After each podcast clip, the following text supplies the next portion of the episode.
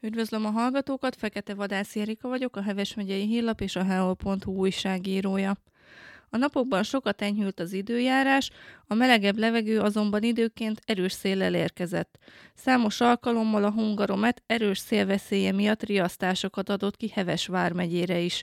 A szél a napokban tovább élénkülhet, péntekre viharos széllökéseket jósolnak Eger környékére is. Nagy Csaba tűzoltó századossal, a Heves vármegyei katasztrófavédelmi igazgatóság szóvivőjével beszélgetünk az erős szél veszélyeiről, illetve arról, hogy a vármegyei katasztrófavédelem mit tanácsol a szeles időjárás okozta károk elkerülésére. Üdvözöllek, köszönöm, hogy elfogadtad a meghívásunkat. Üdvözöllek, tisztelettel köszöntöm a kedves hallgatókat. Először is mondd el kérlek nekünk, hogy milyen károkat tud okozni a viharos erejű szél. Amikor nagy erejű, erejű szél fúj, jellemzően ez károkat is okozhat. Általában fák dőlnek ingatlanokra, utakra és vezetékekre, illetve előfordul, hogy az elős, erős szél a házak tetőszerkezetében is károkat okoz. A kidőlt fák sok esetben akadályozzák a gyalogos és járműforgalmat, és az akadályok megszüntetését sok esetben a tűzoltók végzik. Az erős szél egy tűzesetnél az oltási munkálatokat is veszélyeztetheti, és egy szabadtéri tűznél a viharos szél nagyban nehezíti a tűzoltását, hiszen sokkal gyorsabban terjednek a lángok a szeles időben. Mit tegyünk akkor, hogyha hirtelen viharos szélben találjuk magunkat, miközben a szabad ég alatt tartózkodunk? Ha lehet, keressünk egy védett, stabil helyet. Ez lehet egy épület, akár egy aluljáró is. Haladjunk távol a fáktól, épületektől, azért, hogy a letört ágak, cserepek vagy üvegszilánkok ne okozzanak sérülést nekünk. Védjük a szemünket a portól, fejünket pedig a szélsodort a tárgyaktól, ágaktól. Oszlopba, kerítésekbe kapaszkodjunk, hogy ne soroljon el az erős szél, és tartsuk, a, védjük erősen a kisgyerekeket, ne szakadjunk el soha társainktól sem. A járműveket, sátrakat és a gyenge szerkezetű építményeket hagyjuk el. Ez azért indokolt, mert bentről nem lehet érzékelni a fenyegető veszélyt, például, hogy ha egy ág lóg a sátor fölött, vagy pedig rádől egy fa, a gyenge szerkezetű építmény nem alkalmas arra, hogy ez megvédjen minket. Ha ne Isten csónakázunk, akkor ez viharban életveszélyes. Nagyobb vízfelület fölött összefüggő vízfüggöny alakulhat ki, emiatt még a jó úszók is megfulladhatnak. Vegyük mindig komolyan az előrejelzéseket és a viharjelzéseket is. Az elős szélben, a viharokban, akár a hangok miatt is az áltok viselkedése kiszámíthatatlanná válik, megvadulhatnak, ezért inkább ne érjünk hozzájuk, a házi állatainkat pedig inkább zárjuk be, akár engedjünk be otthonainkba.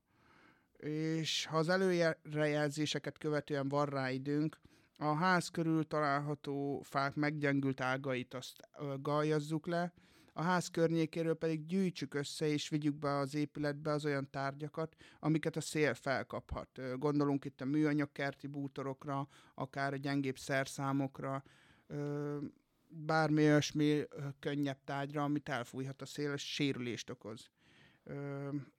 És ugye ezek voltak a kinti dolgok, hogyha egy épületben tartózkodunk, akkor van-e teendőnk viharos szél esetén?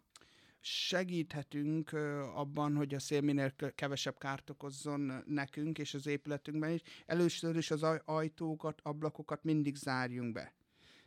Ne hagyjuk a kisgyermekeket, betegeket felügyelet nélkül, lehetőleg senki sem maradjon egyedül az ilyen viharos szeles időben. Készüljünk fel az áramszünetre, készítsünk elő egy elemlámpát, töltsük fel az akkumulátorát, töltsük fel az elemeket, és áramtalanítsuk az elektromos berendezéseket a biztonság kedvéért. Gondolok itt olyan berendezésekre, amiknek nem szükséges, hogy bele legyenek dugva, televízió, mobiltöltő, laptop esetleg. Mit tegyünk akkor, hogyha egy vezetéket szakít le a szél? semmiképp se közelítsük meg, ha bárki sérült elektromos vezetéket lát, azonnal hívja a 112-es segélyhívó számot. Fontos még megjegyezni, hogy érdemes a viharos szél után körbejárni az otthonunkat és felmérni a keletkezett károkat.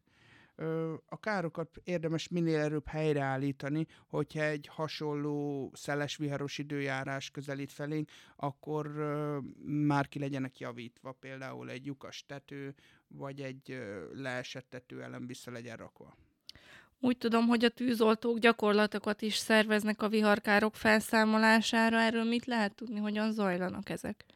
Ez egy nagyon összetett feladat, ahol több szervezetnek és társzervnek is van munkája. Igen, legutóbb decemberben az EGRI katasztrófa védelmi kirendeltség, a rendőrség, az áramszolgáltató, illetve a Szilvásváradi Polgári Védelmi Szervezet bevonásával katasztrófa felszámolási együttműködési gyakorlatot szervezett Szilvásvárad községben. Ennek a gyakorlatnak az volt a célja, hogy a részök gyakorolják azokat a speciális mozzanatokat, amelyek az erős szélel érkező vihar és esetleg hirtelen lezúduló nagy mennyiségű csapadék esetén a hatóságokra és a társzervekre hárulnak. Azon a gyakorlaton a feltételezés az volt, hogy Szilvásvárad térségére vihar csapott le, amely jelentős jégveréssel és viharos erejű széllel érkezett, illetve még nagy mennyiségű eső is hullott azon a napon.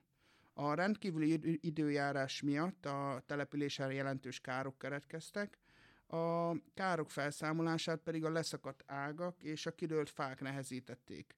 A műveletirányításunk az önkéntes tűzoltó egyesületek és mentőcsoportok segítségét is kérte, akik a protokoll szerint a hivatásos állomány munkáját segítve veszélyes fákat távolítottak el, ezzel megszüntetve az útakadályokat.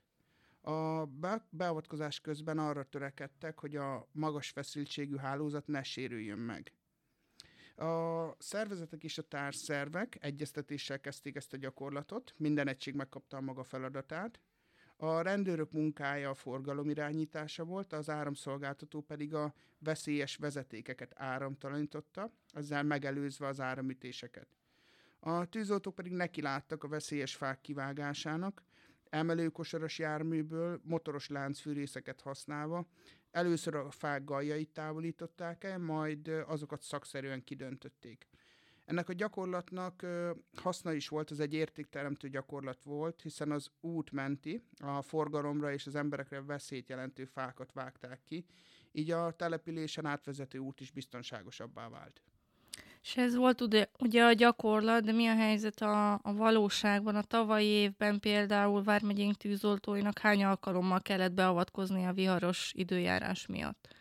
A tavalyi évben több alkalommal is érkezett vihar nagy erejű széllel, és ilyenkor egy kísérő jelenségként néhány esetben hirtelen nagy mennyiségű csapadék is zúdult Vármegyénkre.